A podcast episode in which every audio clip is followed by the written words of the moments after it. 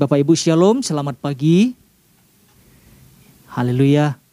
Pagi hari ini kita akan belajar bersama-sama apa yang menjadi pesan Tuhan di dalam kehidupan setiap kita. Saya percaya setiap kita tetap bersemangat. Saya percaya setiap kita antusias ya untuk belajar, untuk menangkap apa yang menjadi tuntunan Tuhan di dalam kehidupan setiap kita. Pesan Tuhannya adalah kegigihan yang menghasilkan pencapaian. Kegigihan yang menghasilkan pencapaian. Mari kita lihat firman Tuhan di dalam Injil Lukas pasal 11 ayat 5 sampai 13. Injil Lukas pasal 11 ayat 5 sampai 13 tetapi saya akan bacakan untuk kita ayat 5 sampai 8 saja Bapak Ibu ya. Bagian ini kita dapat perhatikan bersama-sama supaya kita tahu dan kita bisa sama-sama menangkap apa yang menjadi pesan Tuhan ini. Ayat yang kelima saya akan bacakan sampai ayat yang kedelapan. Lalu katanya kepada mereka, jika seorang di antara kamu pada tengah malam pergi ke rumah seorang sahabatnya dan berkata kepadanya, saudara, pinjamkanlah kepadaku tiga roti. Ayat 6, sebab seorang sahabatku yang sedang berada dalam perjalanan singgah ke rumahku dan aku tidak mempunyai apa-apa untuk dihidangkan kepadanya. Masakan ia yang di dalam rumah itu akan menjawab, "Jangan mengganggu aku. Pintu sudah tertutup dan aku serta anak-anakku sudah tidur. Aku tidak dapat bangun dan memberikannya kepada saudara." Ayat 8, "Aku berkata kepadamu, ya, sekalipun ia tidak mau bangun dan memberikannya kepadanya, karena orang itu adalah sahabatnya, namun karena sikapnya yang tidak malu itu, ia akan bangun juga dan memberikan kepadanya apa yang diperlukannya. Saya akan baca sekali lagi ayat 8-nya ya Bapak Ibu ya. Aku berkata kepadamu sekalipun ia tidak mau bangun dan memberikannya kepadanya karena orang itu adalah sahabatnya, namun karena sikapnya yang tidak malu itu, ia akan bangun juga dan memberikan kepadanya apa yang diperlukannya. Puji Tuhan Bapak Ibu yang terkasih di dalam nama Yesus. Nah kalau kita perhatikan perikop ini menceritakan tentang adanya sebuah tekad dan kegigihan yang kuat di sini kan. Adanya sebuah tekad dan kegigihan yang diperlihatkan dalam cerita atau ilustrasi ini. Ya kan sekalipun kesannya itu terlihat memalukan gitu. Sekalipun kesannya itu terlihat memaksakan. Ya. Kenapa memaksakan? Kenapa uh, dikatakan memaksakan? Karena waktunya memang tidak tepat gitu ya.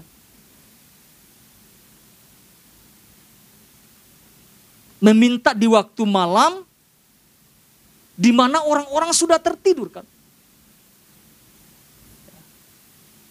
Dan mungkin itu bisa, bayangan saya itu bisa mengganggu gitu.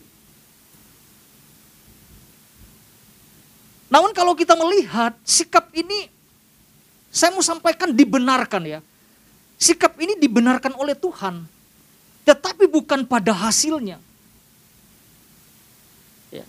Melainkan kepada apa? Melainkan lebih kepada kegigihan atau persistensinya dalam hal mendapatkan sesuatu.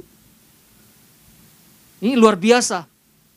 Kegigihan inilah yang yang terpenting, kegigihan inilah yang Tuhan mau ajarkan kepada setiap kita. Sikap kegigihan ini yang penting. Ya bukan pada hasilnya yang ditekankan, tetapi pada kegigihannya, persistensinya.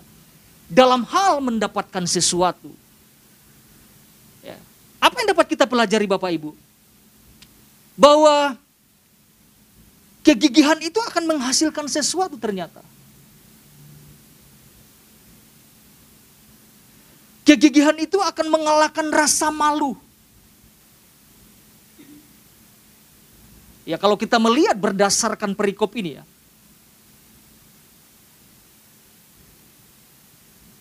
Kegigihan itu tidak akan pernah mengkhianati hasil.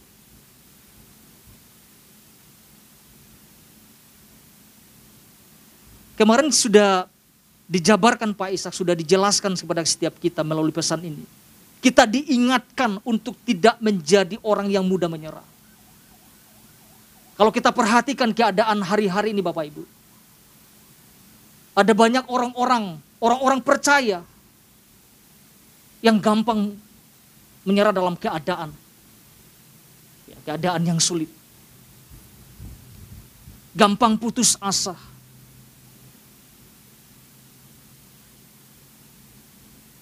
Gampang kalah dari dalam kehidupannya.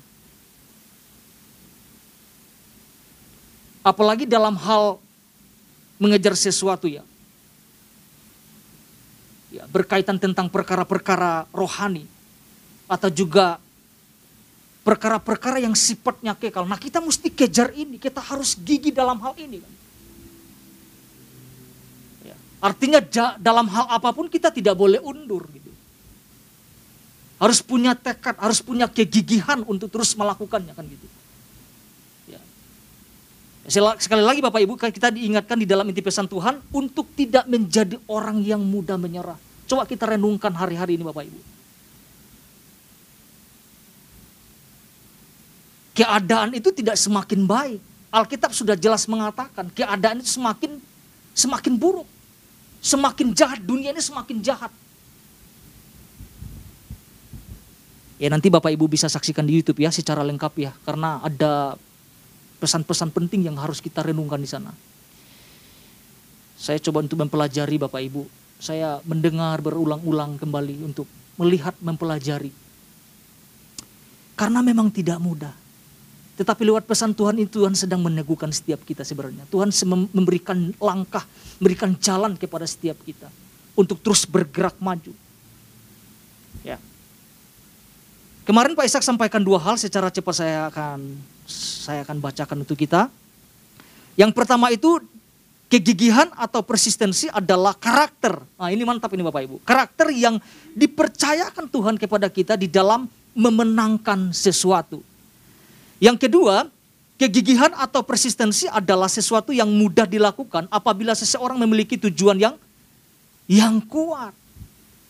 Ya, kemarin juga disampaikan tentang motivasi yang kuat karena tahu tujuannya. Itu yang menggerakkannya. Nah, pagi hari ini kita mau kita mau belajar bersama-sama Bapak Ibu. Saya akan menyampaikan dua hal untuk kita. Kita sama-sama tangkap ini, kita sama-sama pelajari. Yang pertama yang saya mau sampaikan adalah ini yang saya renungkan Bapak Ibu berdasarkan dia, berdasarkan perikop ini. Kegigihan itu adalah kunci. Kegigihan itu adalah kunci seseorang untuk menerima setiap janji Tuhan di dalam hidupnya. Jadi kegigihan itu adalah kunci. Ya. Mengapa saya saya katakan kegigihan itu adalah kunci? Karena gini Bapak Ibu, Alkitab sendiri yang mengatakannya. Alkitab sendiri yang memberikan jawabannya kalau kita perhatikan di ayat 5 sampai 8. Kita akan melihat di sana bahwa tidak tidak akan ada roti yang tiba-tiba bisa terbang kan? dari rumah tetangga. Setuju ya Bapak Ibu ya? Gak ada tiba-tiba roti bisa terbang, tidak ada. Kecuali memang ada yang lemparin gitu. Jadi di sini kita bisa melihat tanpa ada sebuah usaha dan kegigihan atau persistensi, maka hasilnya nol. tidak akan ada roti yang didapatkan. Ya, kalau kita lihat dari komiri yang jumlahnya tiga lembar ya Bapak Ibu ya. Gak akan ada itu. Karena roti tidak bisa berjalan sendiri. Ya. Ada pribadi yang mau bergerak. Ada pribadi yang mau melakukan sesuatu.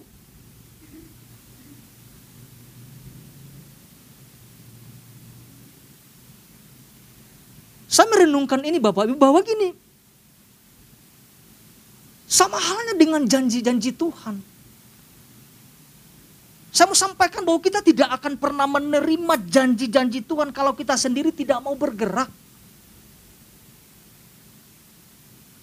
Kita sendiri tidak mau menjemputnya. Kita sendiri tidak mau mengupayakan.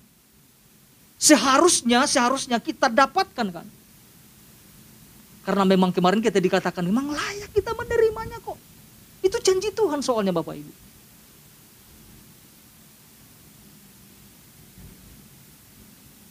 Kalau karena karena gini Bapak Ibu, kalau kita perhatikan kalau kita membaca Alkitab ada begitu banyak janji-janji Tuhan yang seharusnya kita terima di dalam kehidupan setiap kita.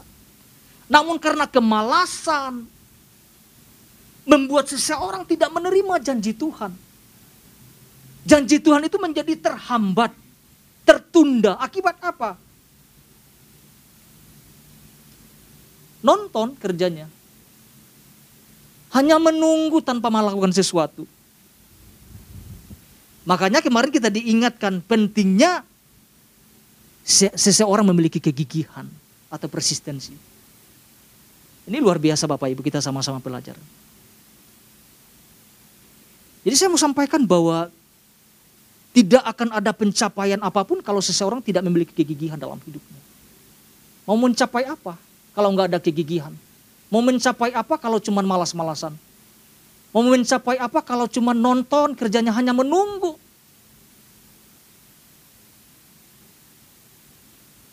Mengharapkan hamba Tuhan, mengharapkan gembala terus mendoakan kita.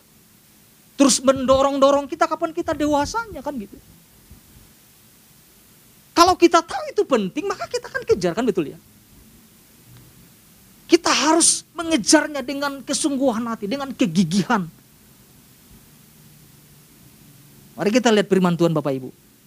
Injil Lukas pasal 11 ayat 8, 9, 10 dan 13. Ya.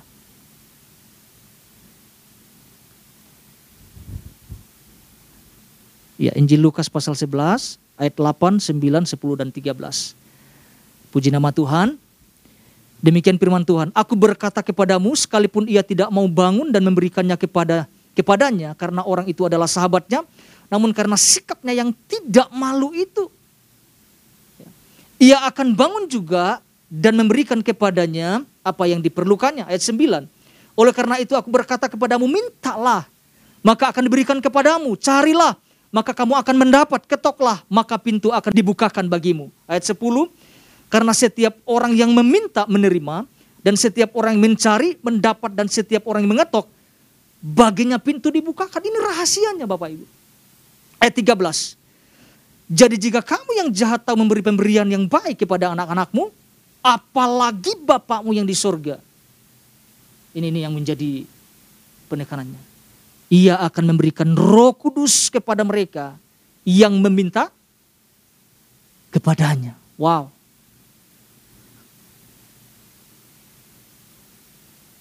Kalau kita perhatikan di ayat 13 bagian akhir dikatakan apa? Ia akan memberikan roh kudus kepada mereka yang meminta kepada. Kata kuncinya kita bisa lihat di sini. Ya, janji ini hanya diberikan kepada orang yang meminta dengan kesungguhan hati.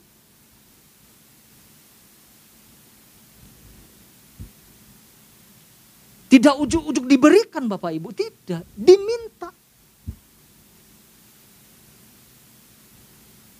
Iya kan?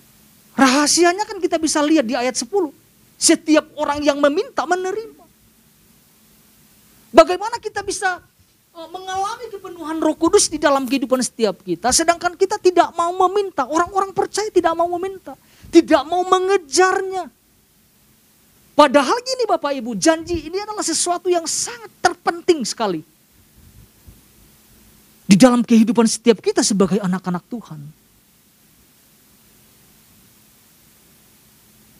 Kepenuhan roh kudus adalah mungkin kita capek berulang-ulang mengajar, oh, oh, mendengar tentang tentang harus penuh roh kudus, harus penuh roh kudus. Tapi inilah bagian yang terpenting dari semua perikop ini yang terpenting adalah kepenuhan roh kudus tetapi juga punya kegigihan untuk mengejarnya kan gitu.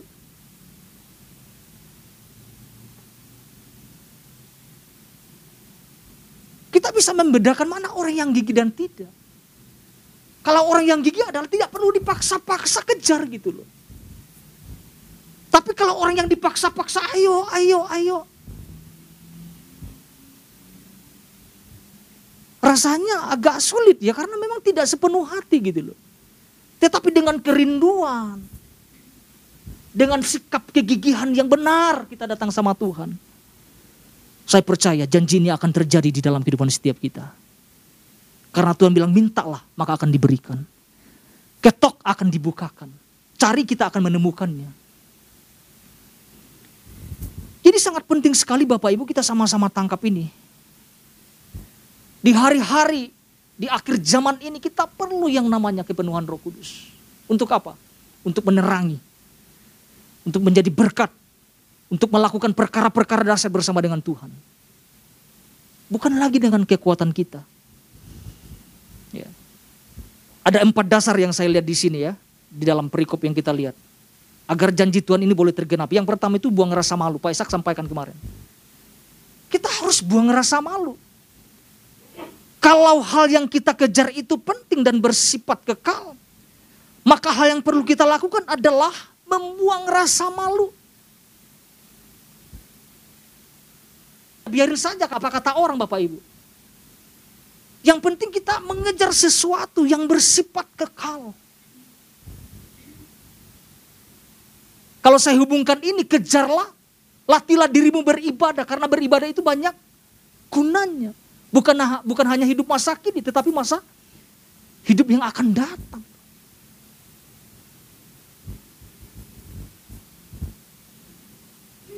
Kadang rasa malu membuat kita terhenti mengejar. Contohnya gini Bapak Ibu, orang mau didoakan saja itu kadang-kadang harus dorong-dorong tuh, ayo maju, maju, maju. Misalnya ada, hamba Tuhan yang yang yang undang kita maju ke depan mau didoa secara khusus gitu. Masih harus didorong-dorong.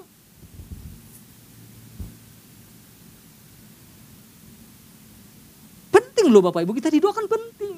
Ada sesuatu, kadang-kadang ada firman, ada pesan yang secara khusus buat kita, Tuhan bicara. Entah itu teguran,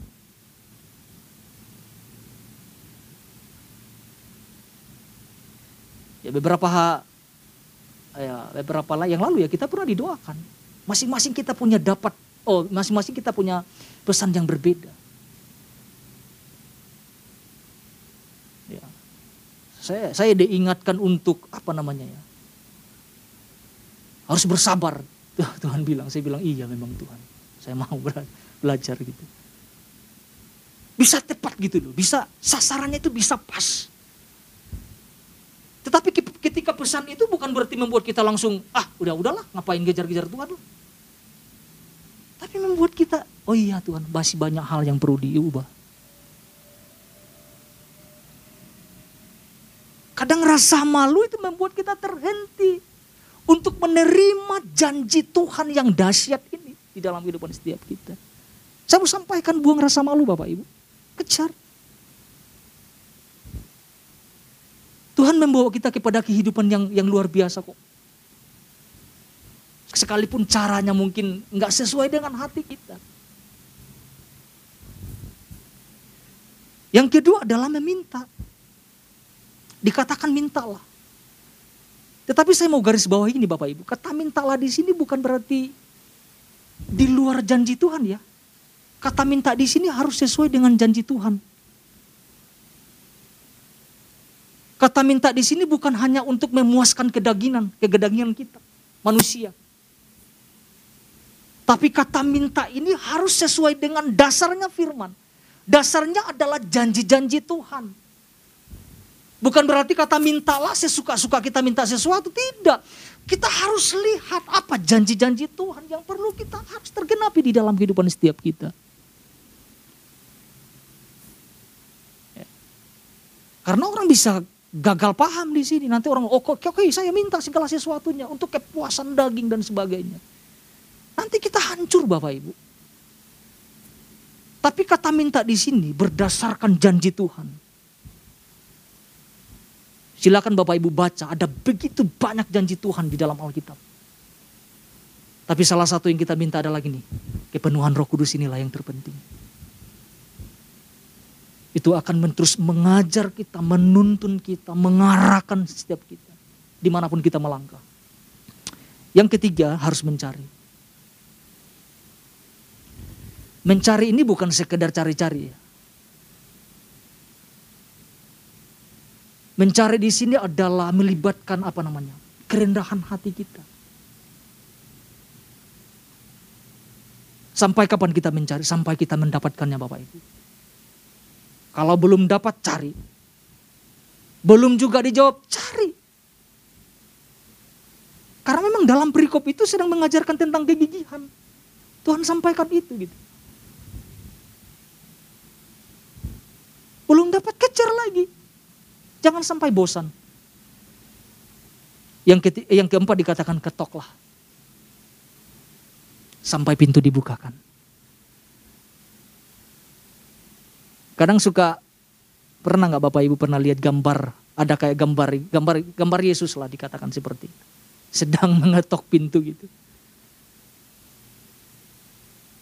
Saya saya saya mendapatkan perenungan Bapak Ibu bahwa iya ya tiap-tiap saat Tuhan tuh ketok gitu loh.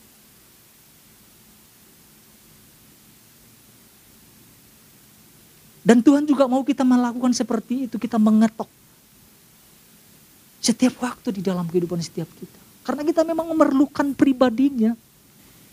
Karena kalau cerita di dalam cerita Alkitab ini, kalau nggak ngetok tetangga, ngetok rumah tetangga, nggak akan ada roti kok.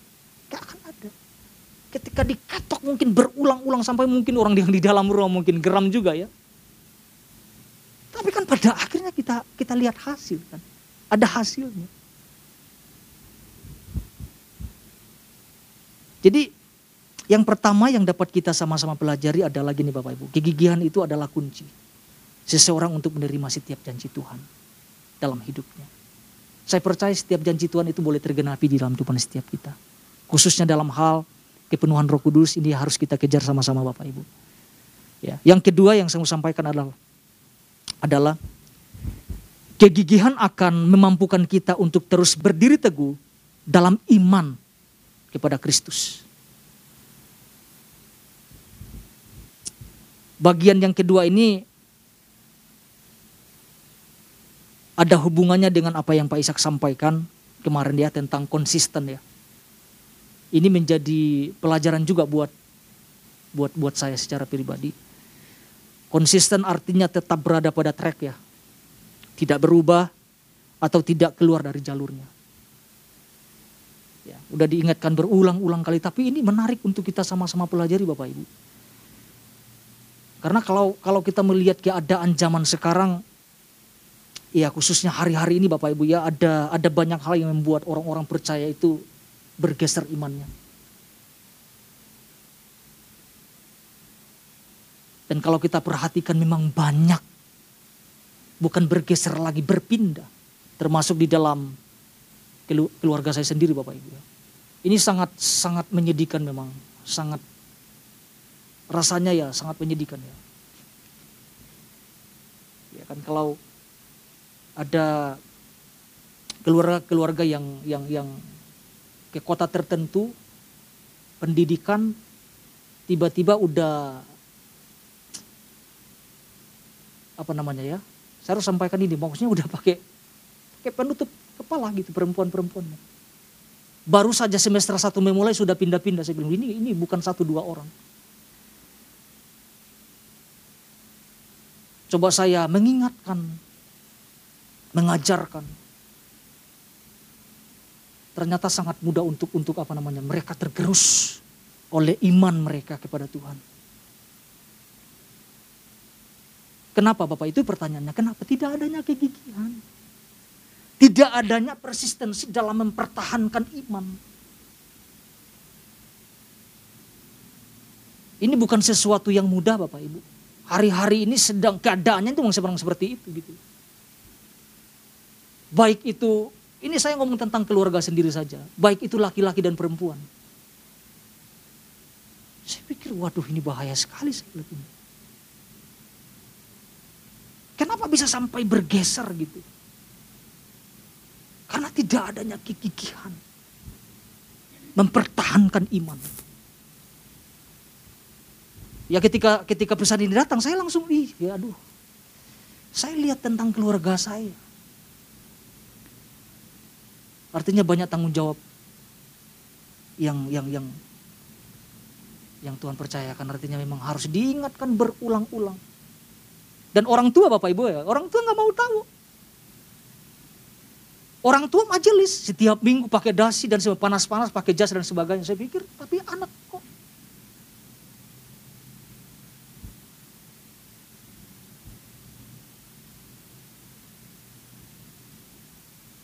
Saya melihat pentingnya bagaimana kita bisa mempertahankan iman. Perlunya adanya kegigihan dalam hal ini. Membangun kehidupan kita di atas dasar yang benar di dalam Kristus. Ya, mari kita lihat firman Tuhan Bapak Ibu ini mendasarinya. 1 Korintus pasal 15 ayat ayat 57 sampai 58. 1 Korintus 15 57 sampai 58. Ya, puji Tuhan. Demikian firman Tuhan. Tetapi syukur kepada Allah yang telah memberikan kepada kita kemenangan. Wah, dahsyat ya. Oleh Yesus Kristus Tuhan kita. Artinya gini Bapak Ibu, kemenangan yang Tuhan sudah berikan kepada setiap kita perlu kita jaga kan? Perlu kita pertahankan. Dengan apa? Dengan kesungguhan hati, dengan kegigihan. Ayat 58. Karena itu saudara-saudaraku yang kekasih, berdirilah teguh, jangan goyah, dan giatlah selalu dalam pekerjaan Tuhan. Sebab kamu tahu bahwa dalam persekutuan dengan Tuhan, jeripayamu tidak sia-sia. Ini adalah nasihat Rasul Paulus kepada gereja Tuhan di Korintus. Apa yang Paulus sampaikan di dalam nasihatnya? Tetap berdiri teguh, tidak goyah, dan tetap mempertahankan iman kepada Kristus dan hidup dalam persekutuan dengan Kristus. Di sini diperlukan persistensi Bapak Ibu. Di sini diperlukan namanya kegigihan untuk agar tetap berdiri teguh.